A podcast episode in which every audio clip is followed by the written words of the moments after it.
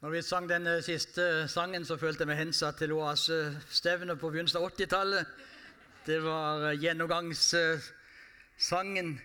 Og når NRK skulle lage sitt første reportasjeprogram fra Oase andre året, så kalte de det 'Vi tilber deg, vår konge'.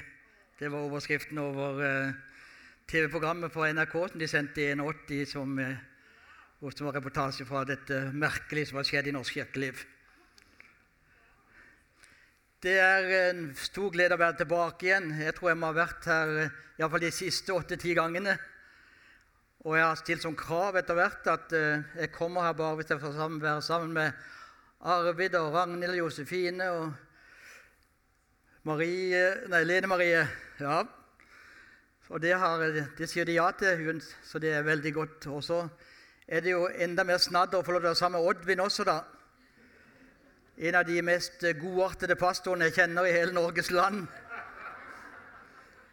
Eh, vi, enda, vi, ble vel faktisk kjent Oddvin, sånn ordentlig eh, når du var her i Salem.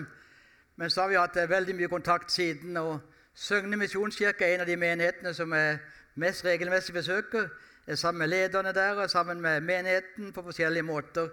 Og gleder meg alltid til å komme tilbake til Søgne og komme tilbake igjen like over jul igjen. Så det er flott å være her og flott å være sammen med dere alle sammen. Når jeg har forberedt eh, Jeg er nå på en sånn turné som jeg kaller det høres veldig flott ut. Det er tullete en mann i min alder snakker om turné, reise på turné. Men jeg er på en sånn 14 dagers turné hver eh, sommer nå. Tidligere var det liksom hele sommeren. Nå konsentrerer jeg det og lar det være bare 14 dager.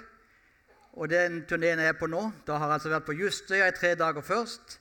Så jeg er her i kveld og skal jeg på Oase nå i uka som kommer. Og så kommer jeg tilbake til Kristiansand, og så skal jeg være fire dager for deres sangen til slutt. Så det, liksom, eh, det blir mye Sørlandet på den tida, som dere sier. Og det er vel ofte her veldig mye skjer. I juni måned bruker jeg nesten alltid Da sier jeg nei til alle avtaler. Juni måned bruker jeg til å være i stillhet og bønn for disse budskapene som gjelder når jeg skal ut og tale til de forskjellige menighetene og forskjellige stedene. Og Det er mye arbeid, og jeg sitter og prøver å ikke si det samme. og prøver hva vil du si jeg skal si der, Gud, og hva skal jeg si der, osv. Og, jeg tror jeg har skrevet i utkast og manus og tema som jeg har fått. Og det gikk, holdt på å si, det gikk, har gått bra så langt. Det gikk bra på Justøya. Så ble det litt annerledes på Justøya på fredagskveld enn jeg hadde tenkt. Og så har jeg hatt en dårlig tid siden. Det eneste unntaket som ikke har vært dårlig eller vanskelig, det er at Start vant 3-0. Det får vi si halleluja for. Det er ikke selvsagt, det heller. Men nok om, nok om det. det. Utenom Starts 3-0-seier så har jeg vært i veldig sånn, hatt en sånn krevende dag. Og det, Jeg skulle egentlig hatt fridag i dag. Og så tenkte jeg Men jeg har vært urolig og gikk en liten tur langs, langs stranda i Kristiansand og gikk tilbake til hotellrommet mitt og om igjen og om igjen. Og Så opplevde jeg at Gud sa til meg det du har forberedt, det, det kan du få bruke i Salem en annen gang. Det du skal si i kveld når du møter folket her, det er dette her. Du skal si til dem, sier Jesus til meg. Og så hører jeg om igjen så tydeligere og tydeligere og tydeligere at jeg lengter etter et dypere fellesskap med alle disse kristne menneskene, alle folkene her i Kristiansand. Jeg lengter å komme dypere inn i livet deres. At et fellesskap med meg skal bli dypere, ærligere, og sannere og sterkere. Sånn at kan, livet kan bli annerledes, og tjenesten kan bli annerledes. Og Så sa jeg til Gud og har argumentert på hotellrommet omtrent i hele dag. Men dette har jeg jo snakka så mange ganger om, og de historiene fra mitt eget liv som jeg da har å fortelle, de hadde jo hørt og lest alle som folkene som kommer omtrent. Og Så sier Gud, 'Go on'. Fortell, spør igjen og si til disse Spør, inviter til et dypere og ærligere liv sammen med Jesus Kristus. For det er det som er utgangspunktet for alt liv og for all vekst og for all tjeneste. Da gjør jeg det altså uten manuskript og noe som helst, og så tar jeg på at det, det, var det Gud ville jeg skulle legge på hjertet til meg sjøl. Dette er fremst kanskje en preken til meg sjøl, og det har det vært i hele mitt liv. Og en preken til dere. La oss be. Herre, hvis du ønsker å komme Jesus Kristus komme nærmere oss, til et rikere, til et dypere, til et sannere, til et ærligere liv sammen med deg, så ber vi Det Hellige Ånd at du må skape liv i mine ord, sånn at det blir liv som ikke bare blir til informasjon, men til forvandling. Lovet være du. Amen.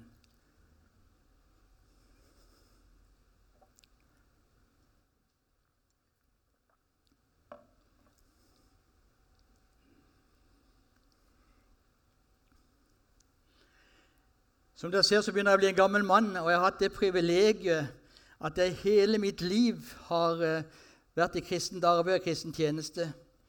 Jeg starta, som mange av dere vet, som eh, begynt, var på toppen av min predikantkarriere da jeg var 17-18 år gammel her i Kristiansand.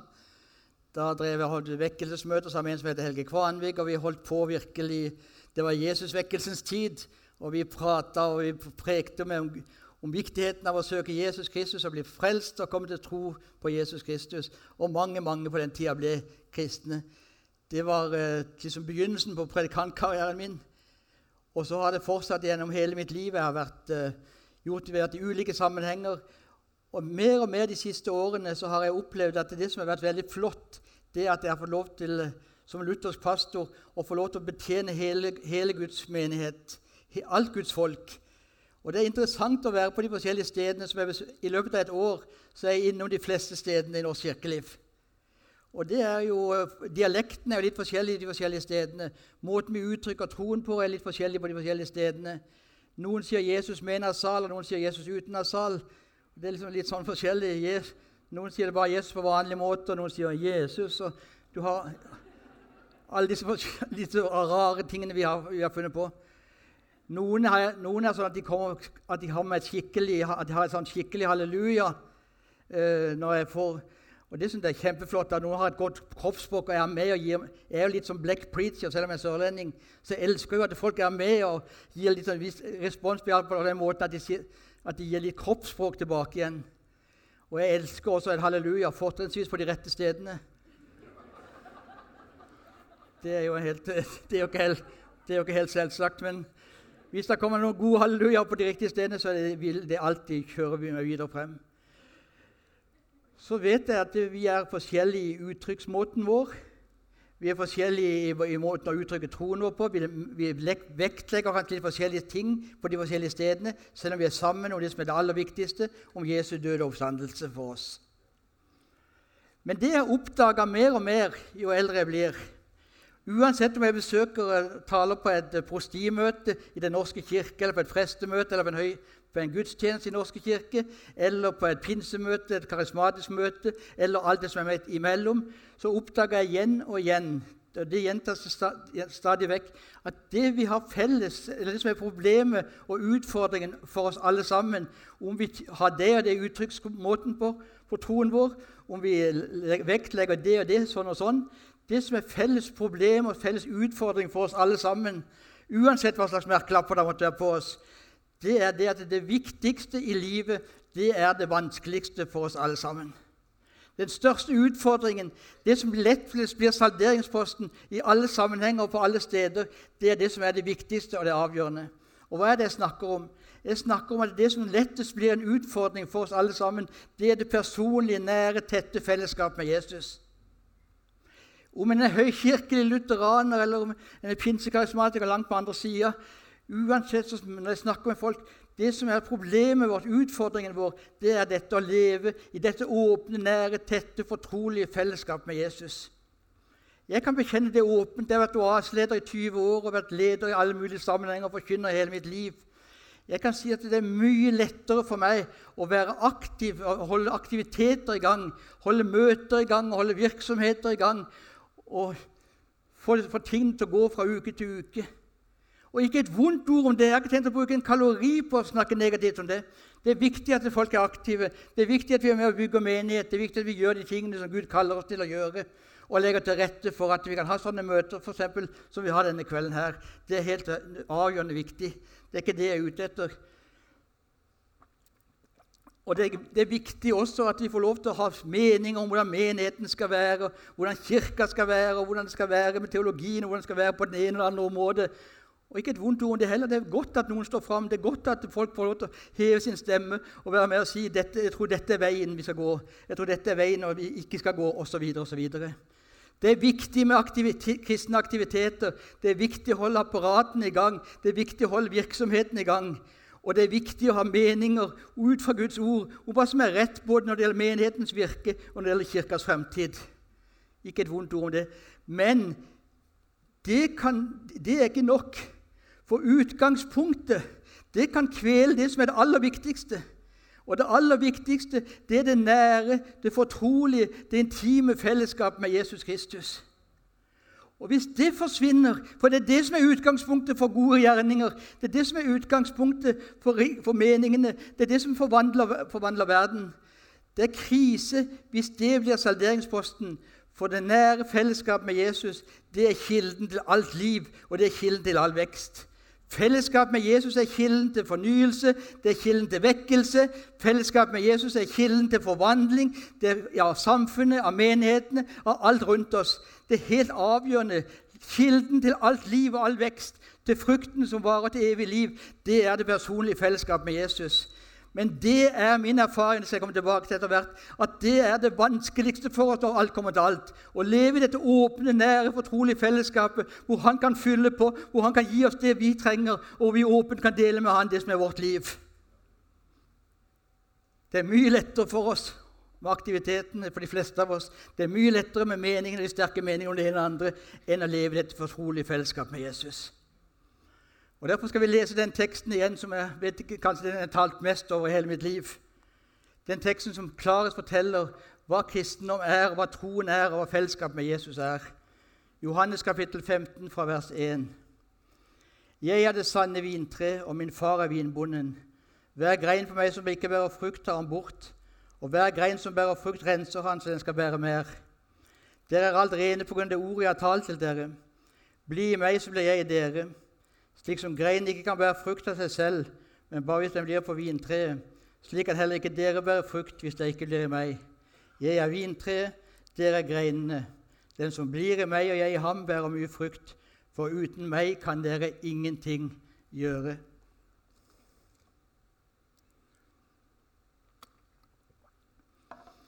Hva er kristendom, eller hva er kristen tro?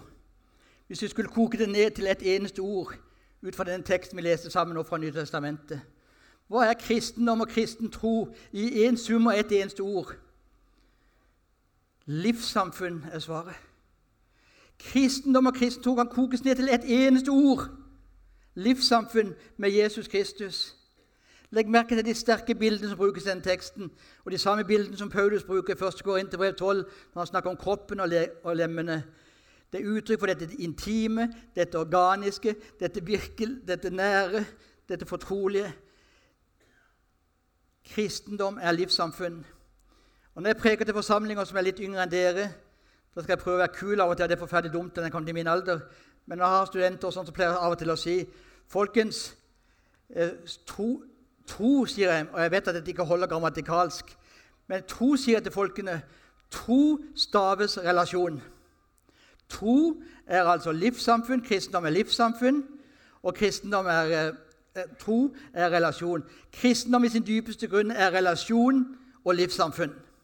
Det, det er helt utgangspunktet for alt jeg kommer til å si, og for alt jeg kommer til å utfordre meg sjøl og dere på. Kristendom er tro og livssamfunn. Og dette livssamfunnet, At troen ikke først og fremst handler om aktiviteter, at det ikke handler om meninger, at det ikke handler om et eller annet religiøst, et uti der, men at det handler om et personlig livssamfunn med Jesus Kristus, det er altså utfordringen. Og Det har jeg måttet ta meg om igjen og om igjen. Og Det er derfor Gud har gjort det på kanskje dramatisk vis to-tre ganger i mitt liv. Jeg har ikke hatt så veldig mange sånne store åpenbaringer, men jeg har opplevd det store, stille at Gud har ledet meg gjennom hele livet. Men to-tre ganger så har han virkelig tatt meg til side og virkelig fortalt hva det egentlig handler om. Jeg fortalte dere at når jeg skulle være, være lag, når jeg var vekkelsespredikant da jeg var 17-18 år gammel og på toppen av min karriere, og når jeg var skolelagssekretær 3-24 år gammel og skulle frelse hele Norge, da kan jo bare én ting skje. Når en ung, aktivistisk mann som var mye mer på hugget nå enn jeg var den gangen enn er i dag Når en sånn ung mann, aktivistisk mann står på en lang stund, så skjer det bare det som må skje. Da møter jeg veggen. Og Den første veggen jeg møtte, det var en lettvegg, heldigvis. Men det er tøft nok å møte lettvegger og ramle slå virkelig havne i, i den veggen. Og da ble jeg sykemeldt fra skoledagsbevegelsen. Og så i den situasjonen der, sykemeldt som jeg var, de, deppa, uten energi, uten overskudd i det hele tatt Da ringer det altså et elskverdig presteektepar fra Ringerike til meg. Og så sier de eh, Det var gode, veldig godarta folk. God dagens Petter, Vi hører at du er blitt sykemeldt, vi hører at du har slitt deg ut, og at det er ikke mer overskudd og det er ikke mer eh, energi igjen. Kan ikke du komme til oss og komme på prestegården og så ta noen turer her og så virkelig kose deg og komme til krefter igjen? Jeg har bedt Gud om tilgivelse for det svaret jeg ga da. Så sa jeg ja, det vil jeg gjerne, men jeg hadde ikke lyst i det hele tatt. Deppa bare. Og så skulle det opp til et ektepar i 60-åra, og så skulle det bli frisk. Hva var oddsene for det? Men jeg vokste opp i et snilt og renslig hjem. Så jeg, så jeg, sa, rett, så jeg sa jo takk, det vil jeg gjerne, sa jeg. Jeg har bedt Gud om tilgivelse for det siden. men det vil Jeg gjerne, sa jeg. Og jeg kom opp der og bodde på dette, dette huset, i denne prestegården på Ringerike. Og Der gikk jeg som legen hadde sagt, en times tur hver dag. Det skulle være godt for helsa. Og så lå jeg stort sett på sofaen forresten. I det øyeblikket, mens jeg holder på der oppe og bokstavelig talt går og rusler på Ringerike. Det var det jeg gjorde. Gikk der og rusla på Ringerike en time hver dag. Hvis vi, også vi menn nå kan klare to tanker i hodet på en gang, så er det viktig det jeg sier nå. Der går jeg på Ringerike. I Oslo, på Majorstua, i en leilighet der i en sånn stor bygård, der sitter det en lege som heter Einar Lundby. Einar Lundby var en mann som bygde Modum Bads nervesanatorium på Vikersund sammen med Gordon Johnsen.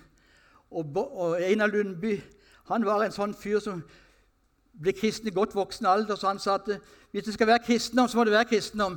Da må, jeg, da må man lese Guds ord og handle for Guds ord og leve sammen med Gud og merke at Gud lever i dag, og at det kan skape forandring i menneskers liv. Jeg kunne, vi kunne ha brukt en hel kveld på å fortelle Lundby historier om hva det vil si å høre Guds ord og handle for Guds ord og overlate resultatet til Gud. Og Så sitter Einar Lundby der en, en, eh, lørdag formiddag over en åpen bibel, og så sier han til Gud, 'Gud, hva har du for meg i dag?' Og Så, så venter han litt, fortalte han meg senere. Så sier Gud, 'Du skal dra opp til Ringerike.' På den og den adressen, i den den prestegården, der er det en ung predikant, aktivistisk predikant som trenger en hilsen fra meg. Og så sa Gud Lundby, hadde fortalt meg senere, så sa han til Gud det er ikke verre enn alt andre du har fortalt meg, eller sagt bedt meg gjøre. Så han tok toget og reiste opp. Og jeg ligger der etter å ha gått min times tur. ligger der. Og så banker det på døra. og Jeg ligger der, og jeg hører meg sjøl si 'Kom inn, kom inn'. Det var det mudet det var, det jeg var i akkurat da. Kom. Og den som kom inn, hvem var det? Det var jo en av Lundby, det var jo vår tids kristen kjendis. Det var jo han vi ønska å følge etter og, og, leve som. Det var han som ga oss inspirasjon til å leve helt med Jesus og virkelig ta Guds ord på alvor. Så plutselig så står han midt innpå dette rommet mitt. Han kjente ikke meg i det hele tatt, visste ikke hvem jeg var. Og så sier han, 'God dag, gutten min.' Det så vel sånn ut. 'Jeg ser du er, sliten.' Så jeg skal ikke bruke lang tid. Men Gud har sendt meg bare for å si én ting inn i ditt liv. Og det er at det samme hva du skal gjøre, samme hva du skal drive på med, både i liv og i tjeneste, så må du huske at det eneste og det aller viktigste det er å leve i lyset. Det er å leve tett på Jesus, det er å leve i et fortrolig fellesskap med Han, der du har det salige byttet finner sted stadig vekk, hvor du gir ditt og du får tilbake alt hans. Og Så sa han passerte over dette, sa dette noen tre-fire-fem ganger. Og så sa han, 'Nå tror jeg ikke du orker mer, gutten min.' Så la han hånda på skuldra mi. Og så sa han, 'Nå takker jeg deg, Gud, for denne min nye venn.' Jeg var blitt det på fem minutter da. 'Nå takker jeg deg, Gud, for denne min nye venn.' Og så ber jeg at han aldri noen gang må glemme at det viktigste av alt i livet, det som ikke kan erstattes av noe annet, det er at han lever tett og fortrolig og nært i ditt fellesskap, Jesus. For det er bare ut fra det at livet kan springe fram, og det er bare der ut fra det at veksten kan finne sted. Så flytta han hånda fra, hodet, nei, fra skuldra og opp på hodet mitt, og så sa han, 'Herren velsigne deg og bevare deg.' Herren la sitt ansikt lyse over deg og være deg nådig. Herren løfte sitt åsyn på deg og gi deg sin fred. Så var han litt sånn gammel aristokratisk, litt kongelig, så han vinka litt, sånn, litt kongelig da han gikk ut. 'Farvel, gutten min, farvel, gutten min, farvel, gutten min.' Og gutten hans lå og hulkegråt. Ikke som vi så lenger lett kan gjøre herfra opp, men fra magen og opp. Jeg hulkegråt. Det var så viktig for Gud å fortelle en ung, aktivistisk predikant med sterke og gode meninger om det meste, og med et aktivitetsnivå som var over alle støv og vegger, og fortelle at det aller viktigste, utgangspunktet for alt annet, det er det fellesskap og relasjon og det fortrolige fellesskap med Jesus. Så tenkte jeg du er raus Gud som tar, sender en mann helt opp til Ringerike for å snakke i fem-ti minutter med meg om dette her. Men så har jeg tenkt etter hvert, når jeg ser det i bakspeilet Det var for min skyld at, Gud, at han kom til meg for å minne meg om dette her. Men når jeg har møtt kristne mennesker i hel dag ut og dag inn, holdt jeg på å si, år ut og år inn, i alle kristne sammenhenger, og opplever at det er dette som er akilleshælen vår Det er her vi virkelig sliter. Aktivitetene har vi, meningene har vi. Men livet Fellesskapet, det fortrolige, det nære, personlige fellesskapet med Jesus Kristus, hva blir det det i alt dette her? Og Det er ut fra det at det livet springer fram. Det er ut fra det vekkelsen kommer. Det er ut fra det fornyelsen kommer. Det er ut fra det det blir forvandlinger og for, for, for, fornyelse rundt om. Kristendom og kristen tro handler om liv og livssamfunn og kan ikke erstattes av noe annet. Det er bare dette livet og dette livssamfunnet, denne relasjonen, som kan skape frukt som varer til evig liv. Og Hvis det er sant, at tro staves relasjon og tro er livssamfunn, så er det med denne troen som alt annet, annet, som alt annet liv at det må vokse og utvikle seg om det ikke skal stagnere og dø. Det betyr at Gud lengter etter, og Gud ønsker, og Gud vil gjerne se vekst i våre kristne liv. At ikke vi er de samme i dag som vi var for 10 år siden, for 15 år siden, eller da vi kom til tro. Men det skjer en utvikling, en vekst. Hvis det er liv, så vil det bli vekst. Hvis det er eh, kontakt og fellesskap, så vil det bli vekst og modning. Og Da er det bare helt avgjørende viktig at vi snakker rett om hva denne veksten og denne modningen er for noe. Det handler altså ikke om en sånn bedre og bedre dag for dag-kristendom. Nå har jeg fått bedre tak for det. Nå syns jeg jeg lykkes mer som kristen. Nå har jeg mer overskudd. Nå, nå syns jeg virkelig lykke har ja. Hva handler det om? Og det er noe av det viktigste jeg skal si denne kvelden. her. Hva handler det om å komme videre som kristen? Hva handler det om å modne som kristen? Hva handler det om å modne som menighet? Det handler om en større og større avhengighet av Jesus på flere og flere områder i livene våre. Skal jeg si det minst en gang til? Det handler om en større avhengighet av Jesus på flere og flere områder i livet mitt. Mer avhengig av hans tilgivelse enn jeg var tidligere. Mer avhengig av at han tilgir meg enn var, og forløser meg enn jeg var tidligere. Mer avhengig av hans ubetingede kjærlighet enn jeg var tidligere. Mer avhengig av hans kraft og utrustning enn jeg var tidligere. Mer avhengig av hans nærvær, av han sjøl, at han er det, enn jeg var tidligere. Det handler altså om en større og større avhengighet på flere og flere områder av Jesus Kristus. Det er det som er hele vekstprosjektet. Det er det menighetens prosjekt er. Og da kan alt, alt, som handler om kristen vekst og kristen modning, kan, kan, sammenfattes i et eneste ord. Johannes 3,30. Han skal vokse, jeg skal avta. Og Hva skjer hvis, hvis en menighet vokser? Hvis jeg vokser som kristen og moden som kristen, da vil det skje at jeg opplever større og større litenhet og avhengighet av Jesus. Jeg blir mer avhengig av han enn jeg var før. Og Jeg tror av og til tenker at det må være noe vekst i mitt liv også. Jeg merker at jeg har talt år ut og år inn, og like før jeg skal stå og tale den dagen her, så tenker jeg når jeg kommer her Gud, hvis ikke du kommer med din ånd, hvis ikke du kommer med din kraft, hvis ikke du kommer og viser deg Jesus, så har jeg ingenting. En hjelpeløs altså, det, er, er irriterende slitsomt. Og så tenker jeg Det er sånn den måten Gud fører oss fram på.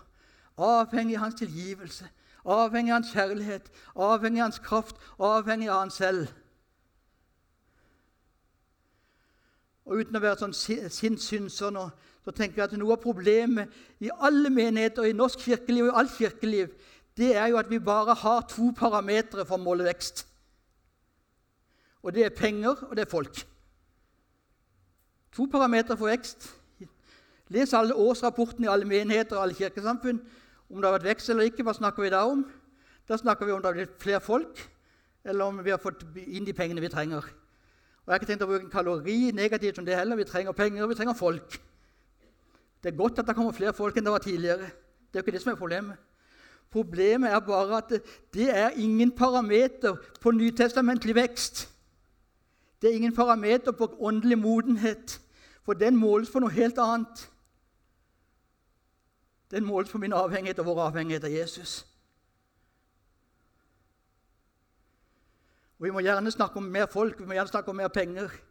Men vi må begynne å snakke med hverandre og spørre er det sånn at alle våre aktiviteter alle våre tiltak og alt det vi gjør, fører til at vi blir mer avhengig av Jesus. Det er jo det det handler om. En menighet som vokser, det er jo ikke en menighet som først og fremst får det til på plattformer.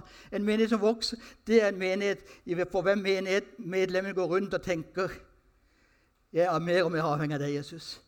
Du må komme, Jesus. Hvis ikke du kommer, så har vi ingenting. Det er det det handler om.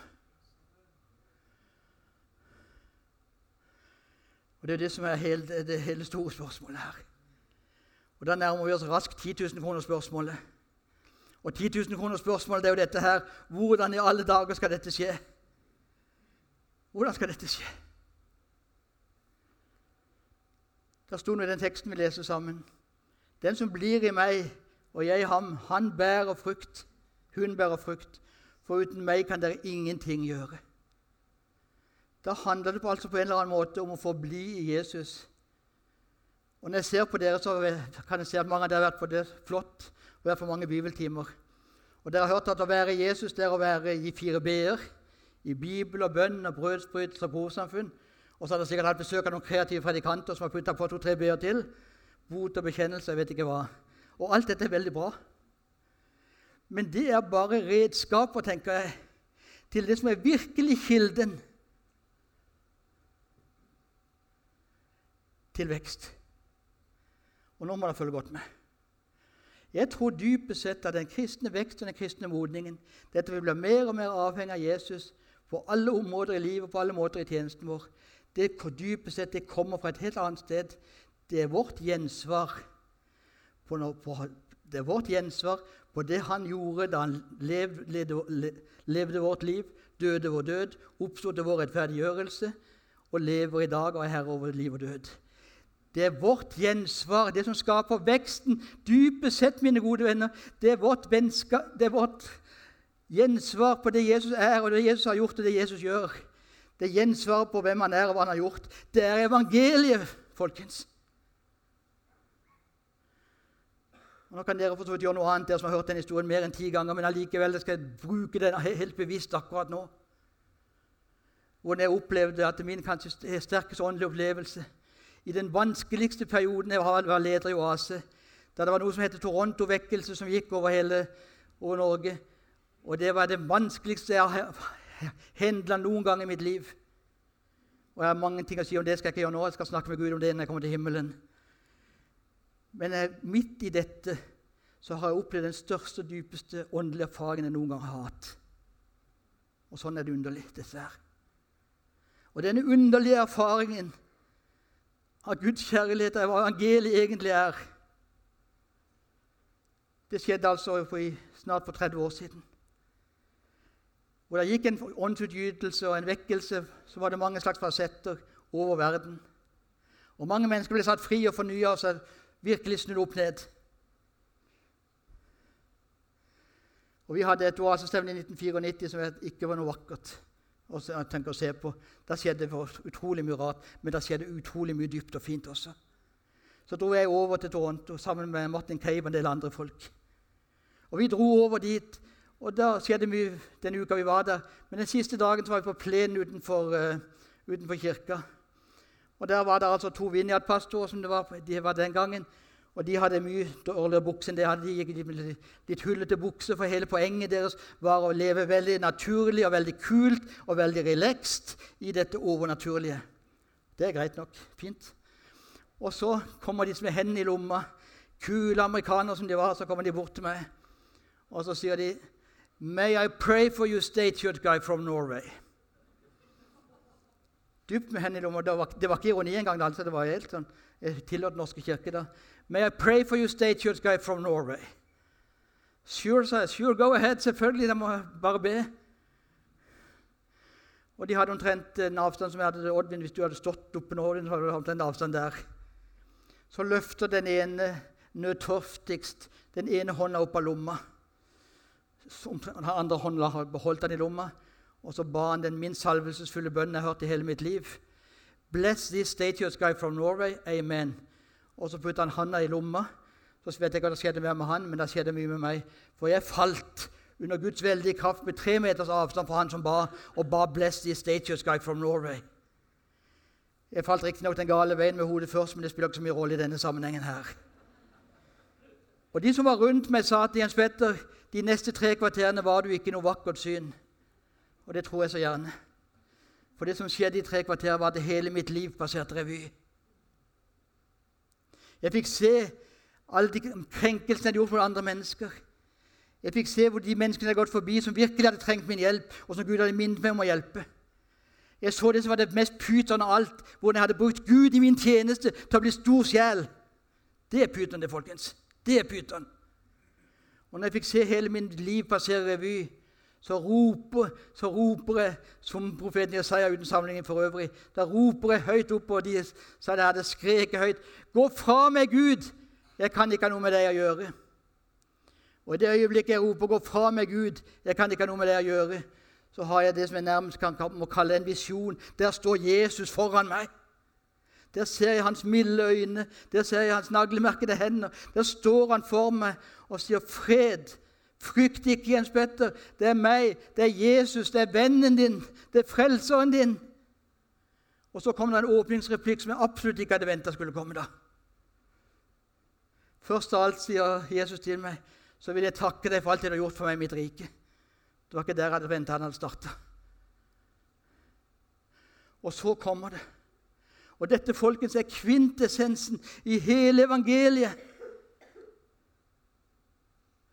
Om du ikke hadde bedt en bønn, om du ikke hadde lest et kapittel i min bok, om du ikke hadde vunnet et menneske for meg, om du ikke hadde hatt en nådegavefunksjon Det betyr ikke at ikke det er viktig, men i denne sammenheng er det ikke viktig.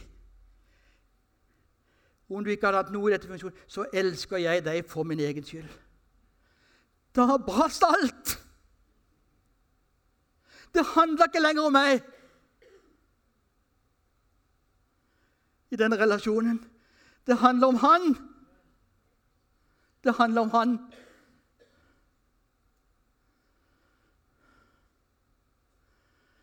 Og på en god dag, som jeg sa på Juster på fredag, på en god dag, veldig god dag, så kan jeg være en middels god sanger. Og denne dagen var jeg kanskje i overkant.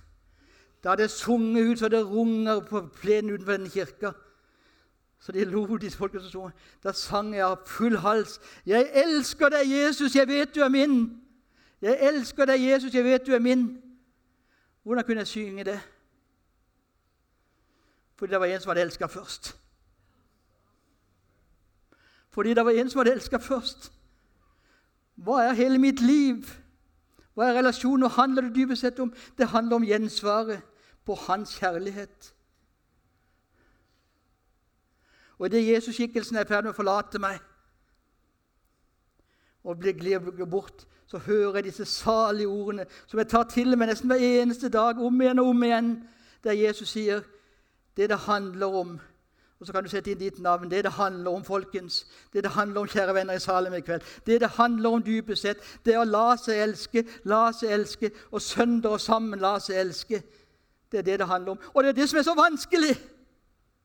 Det er mye lettere for meg å være på tilbudssida på å gjøre et eller annet. Men hva handler det dypest sett om? Det handler om å la seg elske. Det handler om Han som kommer til oss og sier det jeg mest av alt trenger å høre i livet og død. Du er elska. Ikke spørsmål om å være god nok. Ikke spørsmålet om å fått det til, ikke spørsmålet om å være gjort, men som kommer med det dypeste spørsmålet, det som er det dypeste som, behovet som alle mennesker dypest sett har. Og hva er mitt og ditt aller dypeste behov i tilværelsen? Mitt og ditt aller dypeste behov i tilværelsen, Det er at noen kommer og sier til oss, uansett hva du har gjort, uansett hva du kommer til å gjøre, uansett hva du ikke har gjort, og uansett hva du ikke kommer til å gjøre, så elsker jeg deg. Du er elska. Og når det budskapet, at jeg er elska, får synke ned og ta bolig og så bli inkarnert som en del av vår person, så skjer det noe, for en radikal forandring. Når jeg vet at jeg skal slippe all slags kompenserende kristen atferd for å tekkes Gud eller tekkes mennesker, at det veksten som det egentlig handler om, som ikke er aktiviteter, ikke meninger, men som handler om relasjonen til Jesus, hvor han blir større og større, den er bare gjensvaret på at jeg lar meg elske og lar meg elske og lar meg elske. Og her er vi ved et dypt, dypt problem som, ikke, som virkelig, det hører med til de få problemene jeg virkelig kjemper med Gud om. Og det er den nøden det er og den kraften jeg tror vi trenger, av Guds menighet trenger både til vekkelse, fornyelse og forandring, og vi trenger til å leve dette relasjonen som Gud har kalt oss til. For enhver predikant med seg selv, respekt for seg sjøl, enhver pastor med respekt for seg sjøl, sier nesten hver søndag er det ikke fint at vi elsker? Er det ikke flott at, vi, at Gud elsker oss? Og så blir mitt svar jo, det er fint, men hvorfor i alle dager tar dette aldri bolig hos meg? Hvorfor lander det aldri? Hvorfor må jeg hele tida? Hvorfor er det ikke nok for meg å være elska i relasjonen til min kjære? Forhold, nok å elske i forhold til Gud. Hvorfor er ikke det nok? Og så må jeg gjøre alle de dumme tingene jeg gjør, for hele tiden å bevise at jeg har noe verre et eller annet sted. Og det er slitsomt, det, folkens. Når vi hele tiden må kompensere og vise at det er verdt, når hele saken og hele evangeliet handler om at jeg elsker uansett. Og jeg tror at den største Nå snakker jeg som gammel oaseleder som skal tale på oase igjen. Jeg tror det, største, det er flott når Gud helbreder. Det er flott når Gud setter fri. Det er flott når Gud virkelig forvandler menneskers liv. Men det han aller først må begynne med, tror jeg, som vi trenger i våre sammenhenger, og det er kanskje derfor jeg har fått så skulle si det den kvelden her, det er at dette må komme fra hodet og ned i hjertet vårt. Så det blir liv. Så det blir det som bærer meg. Så det blir det som driver meg. Så det blir det som driver menigheten våre.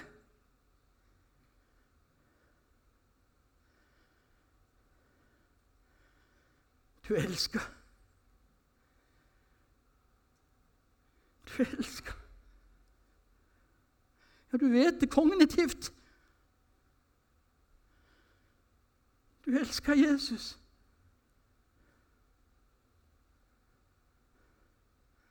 Du elsker.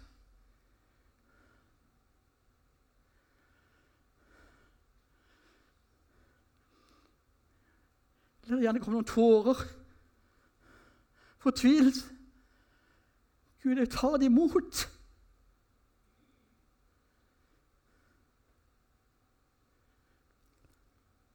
Men så lenge det i våre liv og så lenge det i våre menigheter blir mer fokus på alt det vi skal gjøre, enn det Jesus har gjort, så blir det galt. Når fokuset hele veien ligger på alle de sakene vi skal gjøre noe med, alt det vi må gjøre, alt det vi må utfordres på, når, fokuset ligger der og ikke på det Jesus har gjort, så blir det skjevt, og det blir galt, og det blir lovisk, og det blir masete.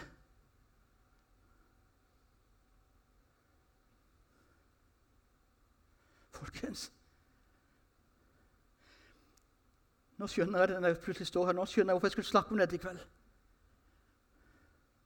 For det er så fortvila for meg i mitt eget liv, og det er så fortvila i så manges liv, å få dette ned og bli dette som driver meg. Det handler dypest sett om å forstå evangeliet, om å, å ta til seg og leve i evangeliet. Vi er noen kamerater og venner som har jobba med det det siste året. Og Fokuset blir alt annet enn dette at vi er elska for Jesu Kristi skyld, for Hans døde oppstandelses skyld, og handler om våre aktiviteter og handler om alt det vi må, kan og skal gjøre, og ikke det Han har gjort. Så blir det vektforskyvning, og det blir galt alt sammen. Uff, nå er jeg stolt.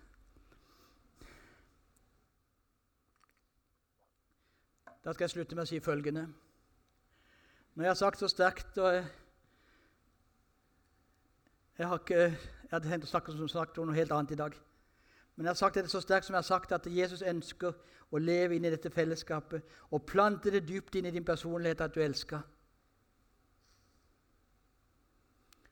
Og Gud ønsker leve, at du skal leve sterkt og tett og ærlig og godt på, sammen med Han. Så må jeg bare si én ting til før jeg setter meg og sier amen. Og det at å leve sterkt med Jesus, det vil være forskjellig for alle oss som er her. Fordi Gud har skapt oss forskjellig. Fordi vi er underbare og unike hver eneste en av oss, så vil det å være sterkt og leve i en relasjon, sterk relasjon med Jesus eller med andre mennesker for den saks skyld, det er helt avhengig av den personen som vi er, sånn som Gud har skapt oss. Og Derfor er det, og det må jeg bare si så tydelig jeg kan, så ingen skal gå glipp av det det er et nøye samsvar mellom spiritualitet og personlighet. Mellom vår måte å leve sterkt med Gud på og vår personlighet. Hvis jeg skulle si, og det sier jeg ikke for å fleipe eller prøve å være morsom, men hvis jeg skulle si til min kone og mine to barn at de må leve sterkt med Gud på samme måte som jeg lever sterkt med Gud på, så ville jeg øve åndelig voldtekt på alle tre. Jeg ville føre dem inn i noen forferdelige greier som ikke er deres. Jeg har sikkert sagt det i salen før, jeg sier det igjen. På vegne av oss mer eller mindre kjente predikanter så sier jeg unnskyld, folkens.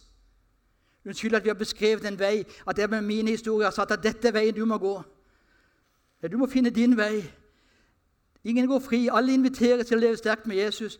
Men veien til å leve sterkt med Jesus den vil være forskjellig for de forskjellige av oss. Og Derfor gjelder det at vi finner vår vei. Og for Guds skyld hjelper vår familie og hjelper vår, de vi er gift med, de vi er sammen med, vennene våre, at de får finne deres vei. La barna finne deres vei. La de unge andre finne deres vei, osv. osv. Og Den som hjalp meg med dette, her, og dette har jeg undervist for Ansgar i mange, mange mange år Den som hjalp meg med dette her, det var en, en nei, amerikansk teolog som heter Gary Thomas.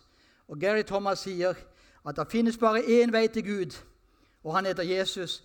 Om det har vi ingenting å forhandle om, sier han. Det er Bibelen helt klar på. Det finnes bare én vei til Gud, og han heter Jesus. Men til Jesu hjerte finnes det mange veier. Det finnes én vei til Gud, og han heter Jesus. Men til Jesu hjerte finnes det mange veier. Måtte Herren hjelpe deg i kveld til å finne din vei inn til Jesu hjerte. Så du kan få oppleve denne sterke avhengigheten av Han, der Han forteller på nytt og på nytt hva Han har gjort, og hva Han stadig gjør, at du er et elska barn for Hans døde oppstandelses skyld. Og la det være utgangspunktet for alt det du skal gjøre videre.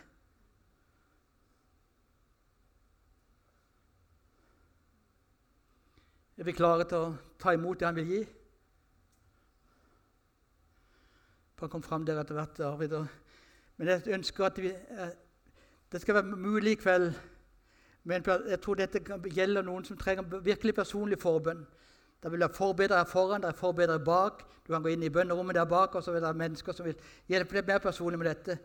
Men jeg opplever og kjenner meg kalt til å gjøre en kollektiv innbydelse i kveld først til hele menigheten, til de menighetene vi representerer, og spør fra Jesus Kristus selv kan jeg få lov til å komme nærmere deg.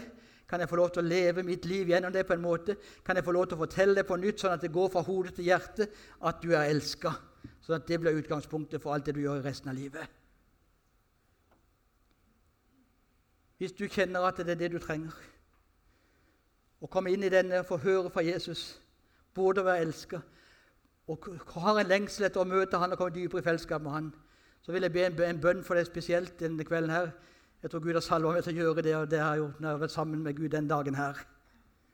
Be, det bør ikke være noe, det bør ikke spilles, synges, noe som helst. Jeg bare spør hvis du ønsker å komme nærmere Jesus på denne måten vi har snakka om i kveld, og få høre og få leve i dette å være elska betingelsesløst, så reis deg og så vil jeg be til Gud for deg. Vær så god.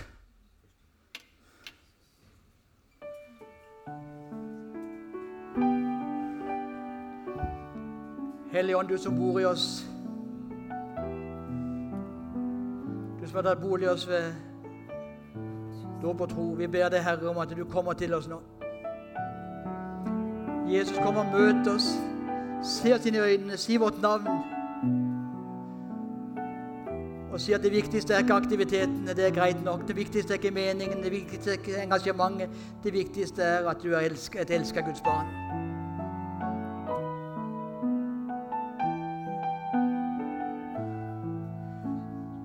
Jesus, jeg ber om at Den hellige ånd får virke mellom oss nå. Kom, Jesus, gå mellom benkeradene. Kom inn i hjertene våre, kom inn i hodene våre. Flytt tingene fra hodet ned i hjertet, og la oss få lov til å oppleve evangeliets frihet.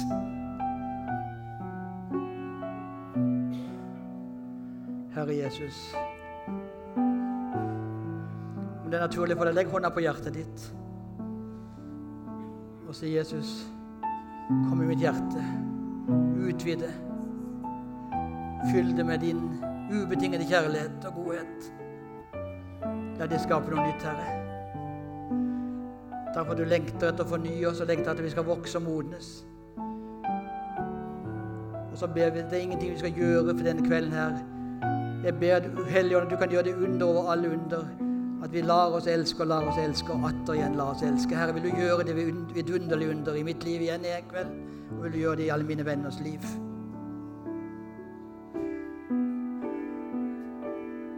Vi nå går eh, inn i en litt lovsang igjen tilbedelse som handler om å gi seg til Jesus. Eller, det handler ikke om å gi seg til Jesus i kveld, først og fremst. Det handler om å la Han få komme, at han får komme med evangeliet med den ubetingede kjærligheten sin inn i våre liv. Kom frem her til forbundet hvis du ønsker det. Gå inn i rommet bak. Og så lar vi dette være et åndens verksted. Og så lar vi Gud få gjøre sin, fullføre sin gjerning med oss. Vær så god, sitt.